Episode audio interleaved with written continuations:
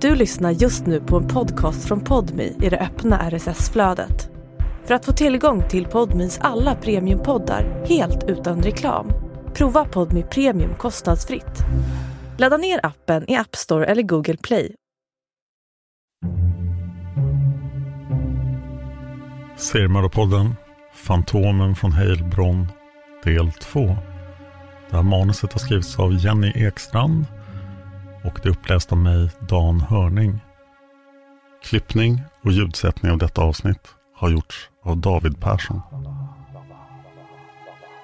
Innan du lyssnar på det här avsnittet rekommenderar jag att du lyssnar på Fantomen från Heilbron del 1. Så här lät det i förra avsnittet. 99,9 procent av vårt DNA har vi gemensamt med alla andra människor. Det är de resterande 0,1 procenten som utgör den del i oss som är unik och olik alla andra. Hur var det möjligt att så många brott kunde begås av en och samma person? Där det fanns både DNA och i alla fall svaga signalement utan att det fanns en enda misstänkt. Var det här världens skickligaste brottsling? Eller var det någonting som de hade missat? Och nu fick den mystiska mördaren ett nytt namn. Fantomen från Heilbronn. Det här var nu Tysklands största seriemördarutredning någonsin. Nu kör vi igång med avsnittet.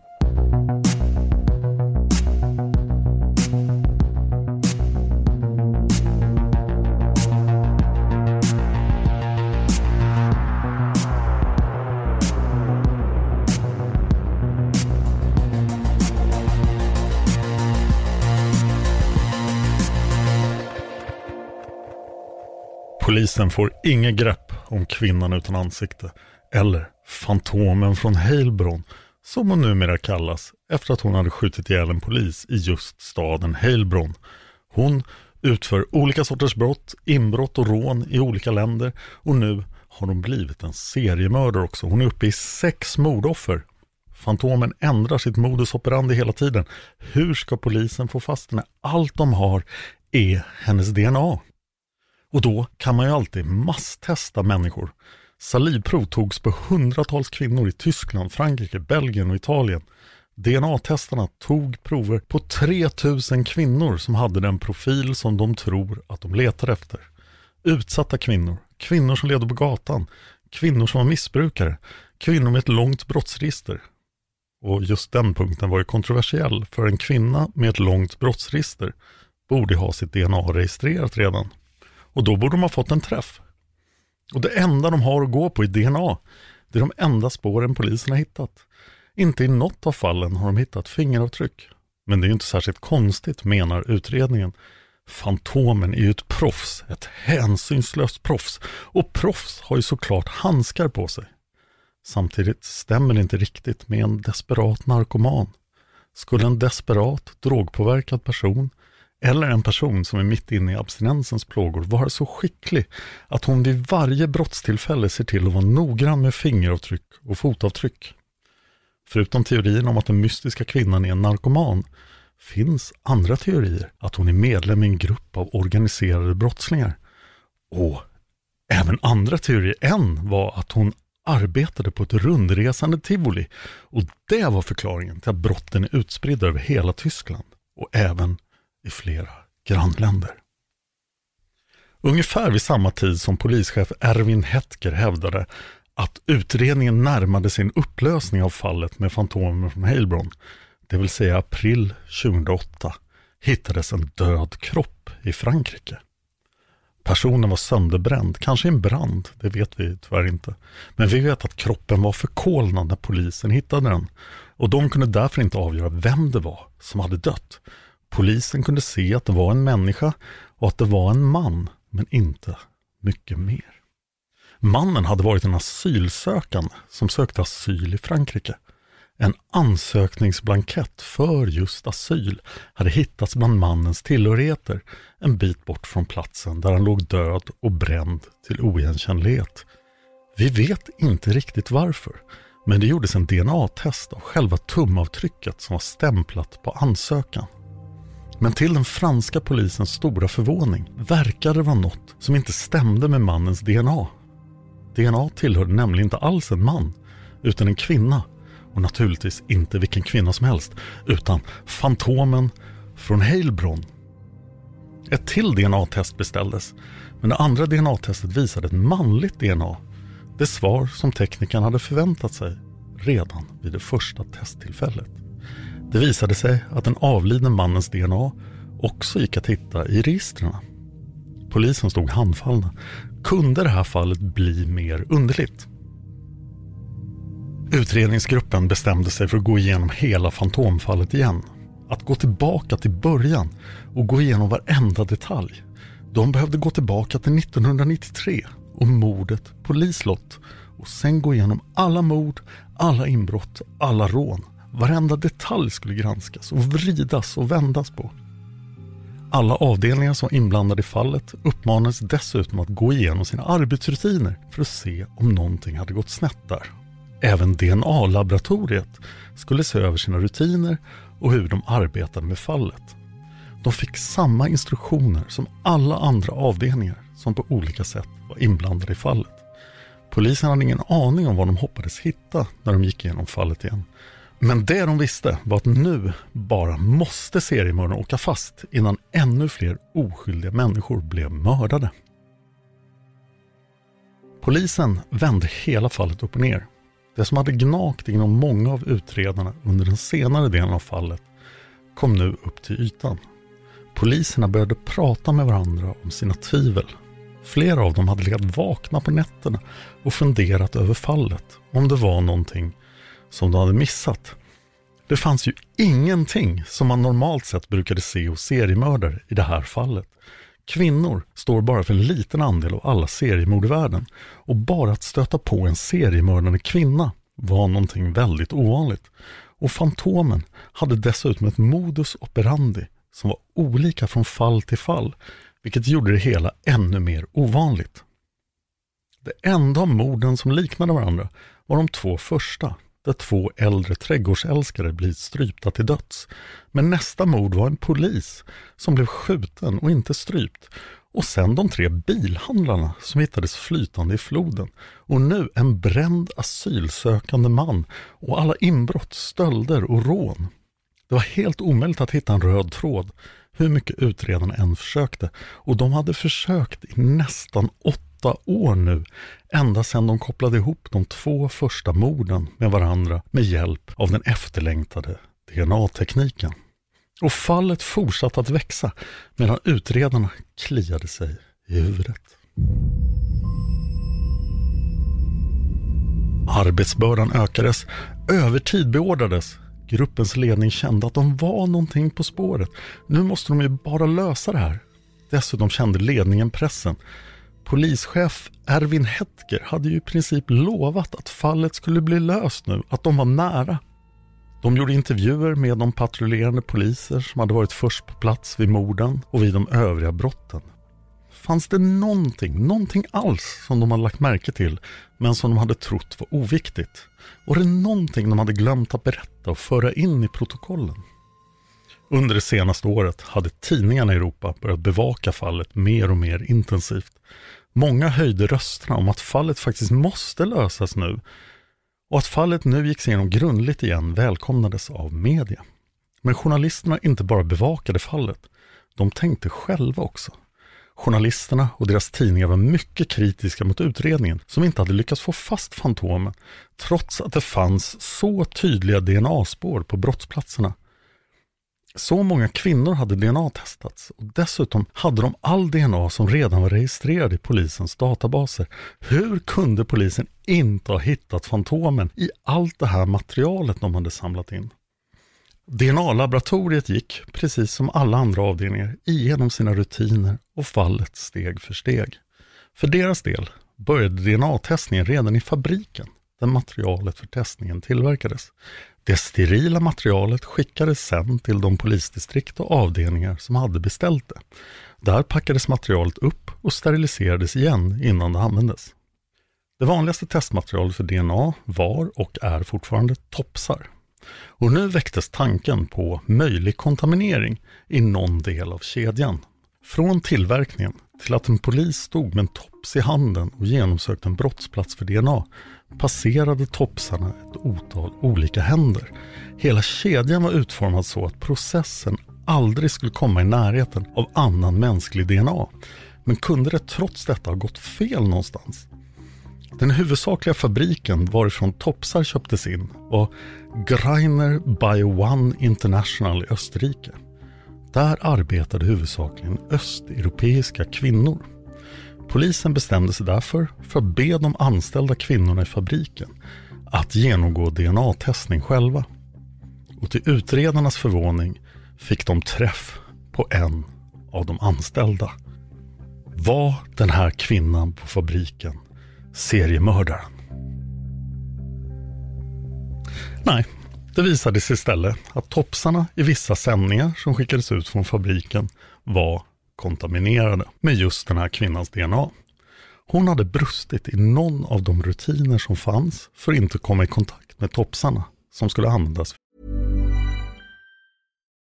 Spring? Is that you? Warmer temps mean new Allbirds styles. Meet the Superlight Collection, the lightest ever shoes from Allbirds, now in fresh colors. These must have travel shoes have a lighter than air feel and barely their fit that made them the most packable shoes ever. That means more comfort and less baggage. Try the super light Tree Runner with a cushy foam midsole and breathable eucalyptus fiber upper. Plus, they're comfy right out of the box. So, what can you do in a super light shoe? What can't you do is the better question. And because they're super packable, the real question is where are you taking them? Experience how Allbirds redefines comfort. Visit allbirds.com and use code SUPER24 for a free pair of socks with a purchase of $48 or more. That's A L L B I R D S.com. Code SUPER24. DNA-tester. Fantomen från Heilbronn var någonting så ovanligt som en seriemördare som inte var en seriemördare. Hon var en seriemördare som inte fanns. Fantomen var inte en kakätande drogberoende kvinna som hyste ett agg mot äldre personer med ett stort trädgårdsintresse. Inte heller hatade hon poliser eller mördade bilhandlare för att kunna stjäla deras bilar. Hon reste heller inte runt på fritiden och mördade. Inte heller åkte hon runt på helgerna i olika länder och gjorde inbrott och rånade. Hon var inte medlem i en rundresande cirkus. Det var helt enkelt så att hon inte fanns. När topsen paketerades hade en viss kvinnas DNA hamnat på dem. Steriliteten fungerade inte. Alla kvinnor i fabriken bar inte handskar och hade inte kropp och hår tillräckligt täckta för att inte riskera att kontaminera materialet. Den här specifika kvinnan hade slarvat med sin sterilitet i arbetet under en väldigt lång tid. År 2008 hade DNA-testningen blivit så avancerad att det krävdes en ytterst liten mängd för att kunna testa DNA. Det räckte med mikroskopiska mängder mänskliga celler. Topsarna steriliserades alltid igen hos polisen innan användning, men den steriliseringsprocessen tog bara bort bakterier och svamp, inte DNA. DNA kunde kontaminera topsarna genom att de på något sätt kommit i kontakt med en av kvinnorna som arbetade på fabrikens svett, saliv eller andra kroppsvätskor. Det kunde till och med räcka om kvinnan på något sätt nuddat topsarna med sin hud. Svaret på den gåta som så otroligt många poliser och utredare arbetat med i närmare åtta år var alltså att poliserna i olika polisdistrikt och i olika länder ovetande hade använt topsar som redan innehöll DNA. Kvinnans DNA hade hamnat på brottsplatser som inte hade någonting alls att göra med varandra. Den felande länken var den mänskliga faktorn. Polisen hade samarbetat över landsgränserna och sysselsatt Tysklands största centrum för DNA-analys på heltid. Det hade tagits prover på tusentals oskyldiga kvinnor. De som var ansvariga hos polisen för att köpa in topsar kunde inte finna ord för vad som hade hänt. Topsarna de köpte in var dubbelförpackade, vilket inte alla topsar var. Att de är dubbelförpackade innebar att de först förpackas sterilt en gång, sen steriliseras förpackningen och packas in i ett extra lager papper eller plast. Poliserna trodde att de, citat, hade köpt in topsarnas Mercedes, det vill säga de bästa topsar som fanns. Men nu visste polisen i minst fyra länder om vad som hade hänt. Men allmänheten och media visste inte och de måste också informeras. I april 2009 bjöd den ansvarige åklagaren in till presskonferens. Vid podiet satt Bernt Meiners, högst ansvarig för fallet Fantomen från Heilbronn och han hade inte längre något fall att ansvara för. Meiners harklade sig och tog till orda. Man kunde nästan ta på spänningen i rummet. Alla journalister undrade om de nu de äntligen skulle få höra vem den mystiska kvinnan var. Hade polisen tagit fast henne? Men det Miners hade att berätta fick alla att häpna. Journalisterna skrev frenetiskt och fotografernas blixtar lyste upp rummet. Dagen efter stod det i tidningarna att polisen i åtta år hade jagat en seriemördare som inte fanns. Fallet var löst, men ändå inte. Nu stod polisen i de olika distrikten med sex mord och ett antal olika bilstölder, inbrott och rån som behövde utredas från början igen. DNA, fotspår, hårstrån. Det finns en massa fysiska spår en människa lämnar efter sig. Det finns inte mycket som är bättre än fysiska bevis när ett brott utreds. Är du en brottsling, samla så många fysiska spår in som möjligt och i bästa fall åker du fast. Men ibland hjälper inte spår som DNA till, utan skälper istället. Och det finns ett antal andra fall utöver Fantomen från Heilbron som visar att DNA inte är den heliga graalen. Det är inte den slutgiltiga utredningsmetoden för brott. För den här faran för kontaminering finns alltid. Och nu tänker jag gå igenom några sådana fall. Och jag tänkte börja med mördaren från framtiden. En kvinna hittades död i London i slutet av 70-talet. För att göra beskrivningen tydligare kallar vi henne Lucy. Lucy hade blivit brutalt mördad. Biologiskt material hittades under hennes naglar när de klipptes av för att testas under obduktionen. Det var hudrester från någon annan än Lucy själv och teorin var att hon hade kämpat emot och rivit sin mördare under sin kamp för att ta sig loss från hans eller hennes grepp. Materialet hamnade i ett arkiv eftersom metoderna för att testa DNA ännu inte fanns. Mördaren hittades inte och fallet blev till slut ett kallt fall. Men 1997, när DNA hade börjat testas på försöksstadiet, öppnades fallet Lucy upp igen. Man gjorde en test av DNA och jämförde med den nationella DNA-databasen som hade börjat byggas upp. Till allas förvåning hittades en matchning ganska direkt, trots att metoderna ännu inte var helt utvecklade och databasen än så länge inte bestod av DNA från särskilt många individer. DNA matchade en annan kvinna än Lucy, en kvinna som alltså eventuellt kunde vara Lucys mördare. Men det fanns ett problem. Även den här kvinnan var död. Och det hade inte varit något problem i sig, förutom att den här kvinnan själv hade blivit mördad tre veckor innan Lucy hade blivit mördad. Hur kunde en kvinna som redan var död mörda en annan kvinna? Det var naturligtvis inte möjligt. Någonting måste ha blivit fel i testerna. De två kvinnorna kände inte varandra, vad man visste. Utredarna kom fram till att det mest troliga var att de olika testmaterialen helt enkelt blivit hopblandade på något sätt. DNA-testning hade gjorts av offrens fingernaglar och teorin var att de avklippta nagelproven hade blivit förväxlade. Detta undersöktes och det visade sig att denna teori inte var svaret på gåtan. Det gick enkelt att avgöra eftersom en av de mördade kvinnorna hade målat sina naglar i ett slags leopardmönster. Att rätt naglar låg i rätt påse var helt uppenbart. Ett annat alternativt svar på gåtan skulle kunna varit att någon kontaminerat proverna när de kommit in till labbet. Det visade sig att båda kropparna hade obducerats av samma rättsläkare på samma ställe.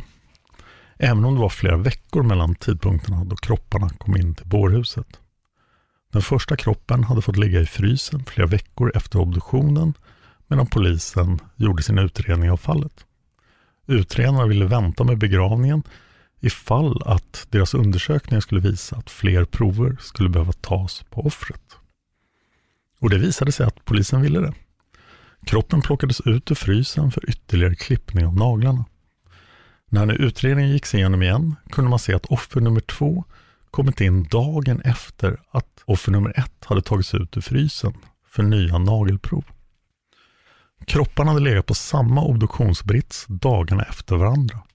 Samma sax hade använts för att klippa naglarna på båda offren med en dags mellanrum. Saxen hade blivit rengjord och steriliserad efter klippningen på respektive offer. Men det visade sig att DNA från offer nummer ett inte helt försvunnit från saxen. Det DNA hade hamnat på offer nummer tvås ena nagelprov. Tolkningen blev därför felaktigt att hon hade hudavskrapningar från offer nummer ett under naglarna. Vilket alltså var förklaringen till mysteriet om hur det kunde se ut som att en mördad kvinna hade blivit dödad av en annan kvinna som redan var död. I det här fallet hade DNA snarare skälpt än hjälpt fallet. Det visade sig i slutändan att de båda morden inte hade någonting alls att göra med varandra. Lösningen på det här problemet i fall efter detta blev att det numera, i alla fall i England, alltid används engångssaxar vid kriminaltekniska obduktioner. Paradoxen här är att ju bättre DNA-tekniken blir över åren, desto större blir risken för kontaminering eftersom det behövs mindre och mindre mängder material för att kunna avgöra DNA. Så i takt med att undersökningsmetoderna för DNA har förbättrats har även rutinerna för att undvika kontaminering varit tvungna att förbättras. Vem som egentligen mördade Lucy är fortfarande okänt. Och nu tänkte jag ta upp ett till fall där DNA-bevis har lett till frågetecken. Och här vill jag uppmana er att spetsa öronen lite extra. För det här är ett väldigt komplext fall. Manusförfattaren Jenny har blivit tvungen att skriva om det här tre gånger för att jag skulle förstå det. Jag hoppas att vi har fått till det nu och att ni kommer att förstå. För det är ett intressant fall. Vi börjar med att en man från Michigan dömdes för ett mord 1969. Mannen hette John Norman Collins och han var misstänkt för att vara en seriemördare. Han tros ha mördat närmare tio kvinnor mellan år 1967 och 1969. Han dömdes dock bara för ett av morden, på en kvinna som heter Karen Sue Beineman. De förmodade seriemorden har på senare år fått namnet Michiganmorden. En av de personer som John misstänktes ha mördat, det vill säga utöver mordet han dömdes för, var en kvinna som hette Jane Mixer. Jane Mixer var en student på universitetet i Michigan. En dag satte hon upp en lapp på anslagstavlan i skolan. Hon sökte lift från Ann Arbor till hennes föräldrars hus i staden Muskegon och hon behövde få den här skjutsen den 20 mars 1969. En resa med buss skulle innebära flera byten och ta alldeles för lång tid. Jane var medveten om riskerna med att lifta men eftersom hon satte upp en lapp i skolan var det sannolikt att det skulle vara en annan student eller en lärare som skulle erbjuda henne skjuts. Och då var det ingen fara. Ingen vet vem hon fick svar av, men Jane fick lift. Men hon kom aldrig hem till sina föräldrar. På morgonen den 21 mars 1969 hittades Janes kropp liggande på en grav på en kyrkogård. Hon hade blivit skjuten i huvudet två gånger. Bredvid henne på marken låg ett modemagasin som hon troligen hade hållit i handen när hon blev skjuten. Det fanns en hel del spår på hennes kropp. Bland annat låg det ett par strumpbyxor bredvid henne. Strumpbyxorna var inte hennes och de var fläckade av någonting. Åren gick och Janes mördare hittades inte. Men den misstänkte och fängslade seriemördaren John Collins blev den som var skyldig, både i polisens och allmänhetens ögon. År 2001 var det en utredare som hette Eric Schröder i Michigan som plockade upp fallet med just Jane Mixer igen. Fallet hade alltid förbryllat honom. Han tvivlade inte på att John Norman Collins var en seriemördare. Det fanns både vittnen och många andra spår trots att Collins bara hade blivit dömd för ett mord. Men i fallet Jane Mixer var det någonting som var annorlunda. I hennes fall var det enda som egentligen knöt henne till Michigan-morden att hon hade mördats i just Michigan och hon varit i ungefär samma ålder som de övriga offren. I övrigt stämde ingenting och John Collins förmodade seriemord hade alla följt precis samma mönster och utförts på samma sätt. Mördarens modus operandi var likadant i alla fall, förutom Janes. Jane hade blivit skjuten, inte strypt som de andra offren. Hon hade inte blivit våldtagen, vilket alla andra offer hade blivit. Jane hade inte blivit styckad och kroppen var inte gömd utan låg öppet på marken. Nu 2001 kunde äntligen Erik Schröder ta med sig strumpbyxorna som legat bredvid Janes döda kropp och lämna in dem på rättsläkarens labb för DNA-analys. Och de fick en träff på en annan man än John Collins. Mannen vars DNA matchade fläckarna på Janes strumpbyxor hette Gary Leiterman och var en pensionerad sjuksköterska. Gary Leiterman hade inget tidigare brottsregister. Alla som kände honom beskrev honom som en man som inte kunde göra en fluga för när. Men år 2001, samma år som polisen Erik Schröder hade börjat titta på fallet igen, fick Gary Leiterman problem med njursten. Eftersom njursten kan vara oerhört smärtsamt men ofta inte behandlas, njurstenarna kommer alltså oftast ut av sig själva, kände Gary att han behövde smärtstillande under tiden han väntade på att stenarna skulle komma ut. Gary gick till en läkare och fick det smärtstillande läkemedlet Vicodin, som förenklat kan säga var ett slags morfin utskrivet. Men Vicodin är beroendeframkallande och när njurstenarna hade kommit och smärtan försvunnit slutade Gary ta medicinen. Men till sin förvåning upptäckte han att det inte gick att sluta. Han hade blivit beroende. Han fick svettningar och frossa. När Garys läkare vägrade skriva ut mer medicin till Gary, eftersom hans njurar ju faktiskt var friska igen, så blev Gary desperat. Han började förfalska recept för att få ut Vicodin. Han klarade inte av att sluta ta medicinen. Och han åkte fast. Han gick frivilligt genom avgiftning och sen ett årslångt rehabiliteringsprogram. Gary var lättad över att äntligen fått hjälp mot sitt ofrivilliga beroende. Det ettåriga rehabiliteringsprogrammet ledde till att åtalet för förfalskning av recept kunde läggas ner. Men med ett villkor. Att Gary lämnade in ett salivprov till polisens DNA-register. Och Det var det här DNA-provet som matchade mot DNA på Jane Mixers strumpbyxor. Och då blev Gary häktad igen. Men nu inte för receptförfalskning, utan för mord. Garys anhöriga blev förtvivlade och rasande. Redan under rättegången hävdade de att någonting hade gått fel i DNA-matchningen. När Garys advokat försökte följa upp det spåret så ledde det ingenstans. Han kunde inte bevisa någonting. Gary blev dömd till livstidsfängelse utan chans till villkorlig frigivning. Garys anhöriga fortsatte kämpa efter att domen hade fallit och Gary hade hamnat i fängelse. Förutom att de visste att deras make, pappa, morfar och farfar aldrig skulle begå ett mord fanns det en sak till som talade för att Gary faktiskt var oskyldig.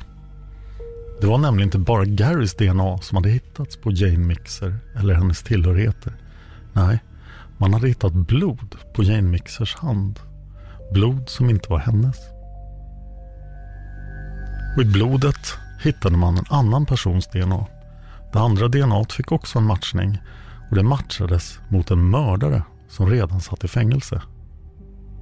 Mördaren som DNA tillhörde var en man vid namn John Rules som satt i fängelse för att ha knivhuggit sin mamma till döds. Men det fanns ett litet problem. Om John Rules hade varit skyldig även till mordet på Jane Mixer hade det varit ett väldigt ovanligt mord. John hade nämligen bara varit fyra år gammal när Jane Mixer mördades. Visst kan en fyraåring hålla i och trycka av en pistol. Och dessutom kunde Johns mamma oturligt nog inte ge honom alibi eftersom han hade mördat henne. Men det kändes ändå helt osannolikt att fyraårige John var Jane Mixers mördare. Gary Leitermans familj, för säkerhets skull påminner jag om att Gary är den man som har dömts för mordet på Jane Mixer, kämpade och kämpade. De hävdade att någonting måste ha gått fruktansvärt fel vid DNA-matchningen. För om John Rules DNA på något sätt av misstag hade hamnat i blodet på Jane Mixers hand kunde väl Garys DNA också ha hamnat där av misstag? Garys DNA hade varit på labbet för att registreras efter åtalet för receptförfalskning samtidigt som John Rules DNA och samtidigt som DNA-proven från Jane Mixer. Det var alltså bevisat att alla de tre olika DNA-proven hade varit på laboratoriet samtidigt och John Rule avfärdades direkt som en möjlig mördare på grund av sin låga ålder. Men laboratoriet hävdade att de i Gary Leitermans fall varit jättenoga och att det absolut inte kunde vara ett fall av kontaminering. Det har gjorts en uppföljning av laboratoriet där testning enligt dem och åklagarens experter bevisar att Garys DNA-spår på strumpbyxorna inte var kontaminerat. Men som jag sa i början är det här ett komplext fall och nu tänker jag vrida fallet ett varv till. Sedan domen mot Gary Leiterman föll 2004 har hans advokater överklagat vid varje möjligt tillfälle. I april 2017 gjordes den senaste överklagan med en lång inlaga från en professor i DNA-teknik. Överklagan avslogs och Gary sitter fortfarande i fängelse. Men den ytterligare twisten är följande. När vi gjorde research inför fallet hittade Jenny, manusförfattaren, bland annat en hemsida för The Committee to Free Gary Leiterman som bildades när Gary åtalades. Och där finns ett forum där vissa användare ifrågasätter kommittén eftersom Gary faktiskt hade haft ett foto av Jane Mixer i sitt studentrum vid tiden för mordet. Vilket enligt användaren intygas av Garys dåvarande rumskompis vid rättegången. Det kan alltså ha varit Gary Leiterman som mördade Jane Mixer. En annan person på forumet i en post från april 2018 hävdar att Garys före detta rumskompis även vittnade i rätten om att Gary hade samlat på utklipp om Jane Mixers mord från tidningar. Tyvärr har vi inte kunnat verifiera de här uppgifterna eftersom det är otroligt svårt att få ut domstolsprotokoll från USA. Men vi kan istället göra något vi väldigt sällan eller nästintill aldrig gör i Seriemördarpodden. Vi spekulerar. Vi gör ett undantag eftersom det här är ett så udda fall. Det kan ju faktiskt varit så att Gary faktiskt är skyldig. Kanske hade Gary känt Jane, eller så hade han bara beundrat henne på avstånd och på något sätt kommit över ett foto av henne. Han kan ha sett annonsen där hon sökte lift som hon hade satt upp på universitetets anslagstavla. Han kan med ett för oss okänt motiv ha mördat Jane och sen aldrig mördat igen. Det finns ju mördare som mördar en gång och som sen blir ansvarsfulla samhällsmedborgare, skaffar familj och aldrig mer begår våldsbrott. Och hur det står till i fallet med Gary Lightman kommer vi kanske aldrig att få veta. Var Jane Mixers mördare Michigan-mördaren John Collins? Eller var det någon annan? Gary Leiterman sitter fortfarande i fängelse och har möjlighet att överklaga sin dom igen om två år. Ett tredje fall där DNA har varit problematiskt är ett fall som inkluderar enäggstvillingar, identiska tvillingar. Förenklat kan man säga att tvillingar bildas av två spermier som träffar varsitt ägg. Enäggstvillingar, alltså det vi ibland kallar identiska tvillingar, består av ett befruktat ägg som delar sig i två delar. DNA för enäggstvillingar matchar varandra mycket starkare än matchningen mellan tvåäggstvillingar. Men vårt DNA kan ändras. Till exempel kan miljögifter ändra DNA. Ett enäggsttvillingspar där den ena växer upp på en plats där den utsätts för gifter medan tvillingen växer upp på en bättre plats kan uppvisa större DNA-skillnader. Det här är inte ett fall som handlar om kontaminering, men det handlar om problematiken med DNA som bevisning. Fallet börjar med ett inbrott i en juvelerarbutik någonstans i Tyskland. Smycken, ädelstenar och exklusiva klockor för ett värde av tiotals miljoner euro stjäls. På övervakningskamerorna kunde man se att inbrottstjuvarna var tre stycken. En av dem råkade tappa en handske på platsen. När utredarna kom till platsen hittade de handsken och lämnade in den för analys. DNA hittades på handsken. Det var inte Fantomen från Heilbron. Och när DNA kördes i polisens register hittades en matchning. Det var två bröder, tvillingar, som tidigare varit dömda för olika brott. DNA matchade båda bröderna. Båda nekade till brottet. Det fanns inga skillnader mellan brödernas DNA på grund av till exempel miljögifter. De båda männen hade vuxit upp tillsammans och hade sedan fortsatt sin väg i livet tillsammans. De var varandras bästa vänner. Och på grund av att man inte hade någon annan bevisning än handske med DNA och inte kunde döma någon utan att vara säker på att denne var skyldig, gick båda bröderna fria. De höll båda helt tyst under rättegången och svarade inte på en enda fråga, förutom att de ombad säga att de yrkade att de var skyldiga eller oskyldiga. Efter rättegången skickade de ut ett pressmeddelande där det stod citat vi är stolta över den tyska lagstiftningen. Vi vill tacka rättsväsendet. På TV4 Play finns det just nu en dokumentär som heter Vem mördade Birgitte? Där den norska polisen gör en enorm DNA-miss. Men den tänker jag inte berätta mer om här, men tv-serien rekommenderas. Då är den enda frågan vi har kvar att behandla är vad hände med de här seriemorden som inte var seriemord? Vem var det egentligen som mördade Fantomen från Heilbrons offer? I Liselott Schlängers fall, den 62-åriga trädgårdsälskaren som misstänktes vara Fantomens första mord, har vi inte hittat någon mer information. Vi vet tyvärr inte om hennes mördare någonsin hittades. Risken är att eftersom vi inte hittat några källor som säger att mördaren är hittad, har mördaren helt enkelt inte åkt fast. Detsamma gäller Josef Walsenbach, som inte kände Liselott, men som hade lika stort trädgårdsintresse och mördades med samma modus operandi. Vi vet inte om hans mördare någonsin åkte fast. Vi vet inte om det faktiskt var så att samma person mördade Liselott och Josef.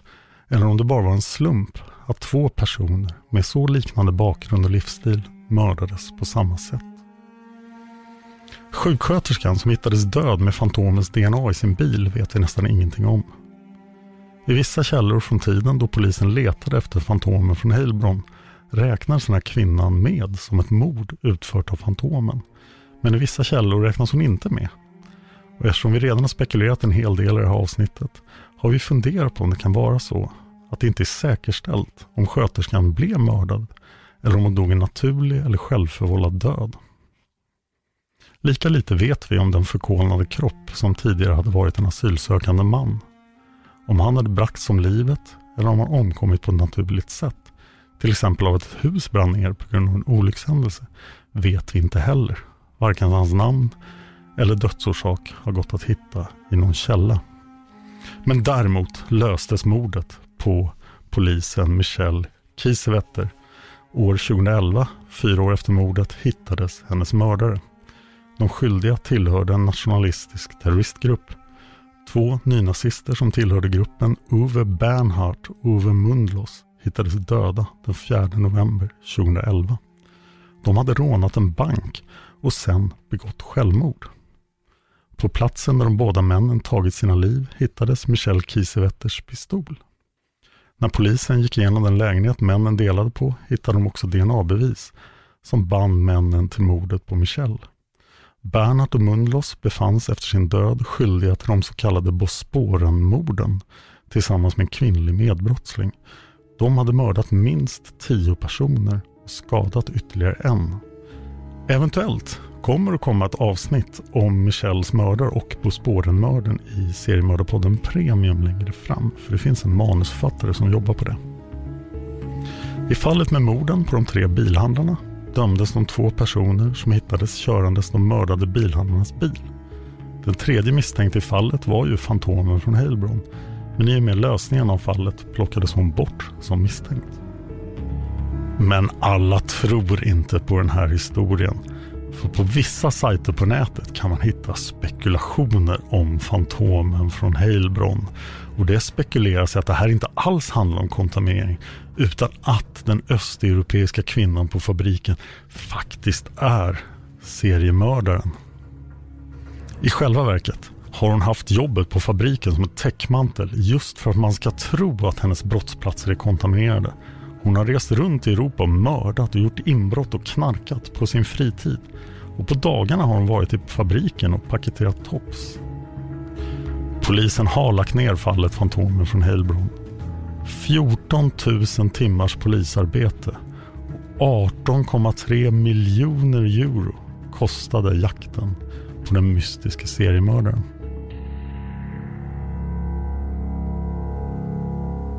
Jag gör alltså i dagsläget fyra mordpoddar. Jag gör en podd om Palmemordet, jag gör seriemördarpodden, jag gör massmördarpodden och jag gör seriemördarpodden Premium. Men det är inte nog. Jag har bestämt mig för att starta en till podd som ska handla om de mord och försvinnanden som inte passar in i någon av mina nuvarande poddar. Den podden heter Mördarpodden och den har precis lanserats. Men det finns en stor skillnad. Mördarpodden gör jag inte ensam. Den gör jag tillsammans med Josefin Måhlén. Hej Josefin! Hej Dan! Det stämmer. nu måste vi berätta för lyssnarna vad de kan vänta sig av Mördarpodden. Vi har redan innan lanseringen av Mördarpodden gjort ett antal avsnitt. Det kommer att finnas fler än tio avsnitt av Mördarpodden när den släpps. Mm. Och vi börjar med ett av Europas mest mystiska försvinnanden. Precis. Den försvunne pojken i Somosera. Och det fallet involverar 20 000 liter svavelsyra. Ja, det är verkligen sjukt. Och den här eh, podden kommer ju att vara i mer diskussionsform. Så vi kommer dels gå igenom såklart, men också diskutera kring i slutet. Ja, det finns ett helt avsnitt där vi vilt spekulerar om vad som hände med den försvunne pojken. Mm, precis. Sen har jag även gjort kanske det mest obehagliga mordavsnitt jag någonsin har gjort. Ja, Junko Föruta. Det var inte roligt. Vad hände Junko?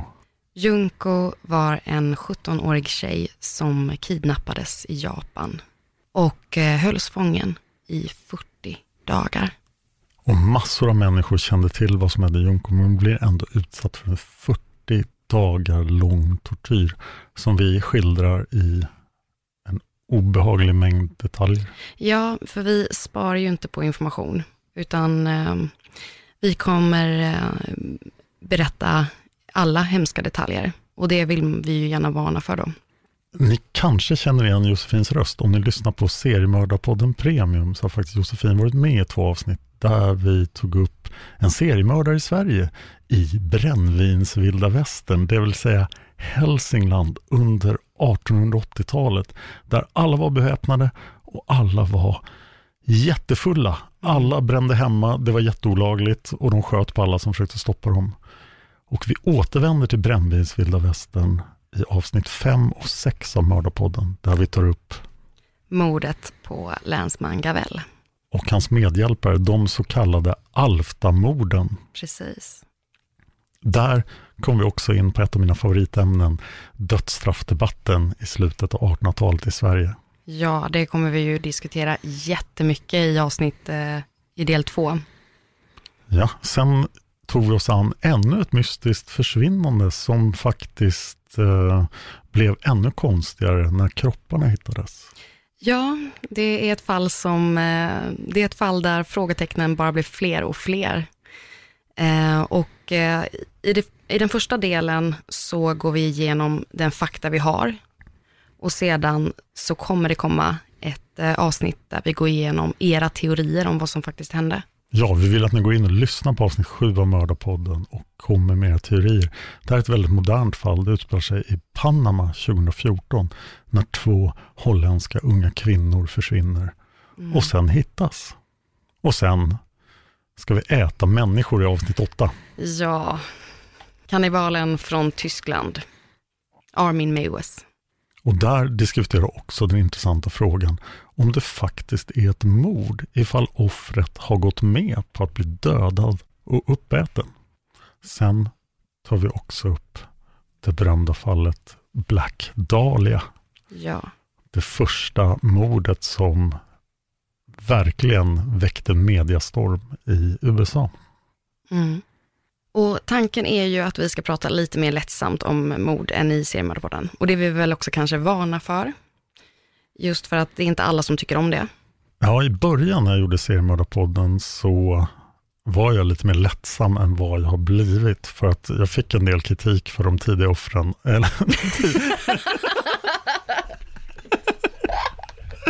För de tidiga avsnitten, till exempel Karl Pansram. Men i en dialogpodd så blir det ofta ja, mer mänskliga reaktioner, inte lika knastertorrt som här i seriemördarpodden. Precis. Och vi lyssnar ju även på lyssnarna som eh, har synpunkter. Men eh, vi har också bestämt att det kommer vara annorlunda eh, än i eh, seriemördarpodden. Mm, så varning för det. Mm. Men om ni vill höra mig och Josefin prata om mord så kan ni leta på era poddappar efter Mördarpodden. Och Mördarpodden finns även på Facebook och Instagram. På Instagram som Mordapodden. Nästa vecka är det dags för Seriemördarpodden sommarspecial. I åtta avsnitt kommer ni att få följa Miranda-morden där ni kommer att möta Leonard Lake och Charles Ng. Tack till alla som sponsrar Seriemördarpodden på Patreon. Tack till Trippnaha som har skrivit låten Immune ni hör i början av varje avsnitt. Och tack till dig för att du lyssnar på Seriemördarpodden.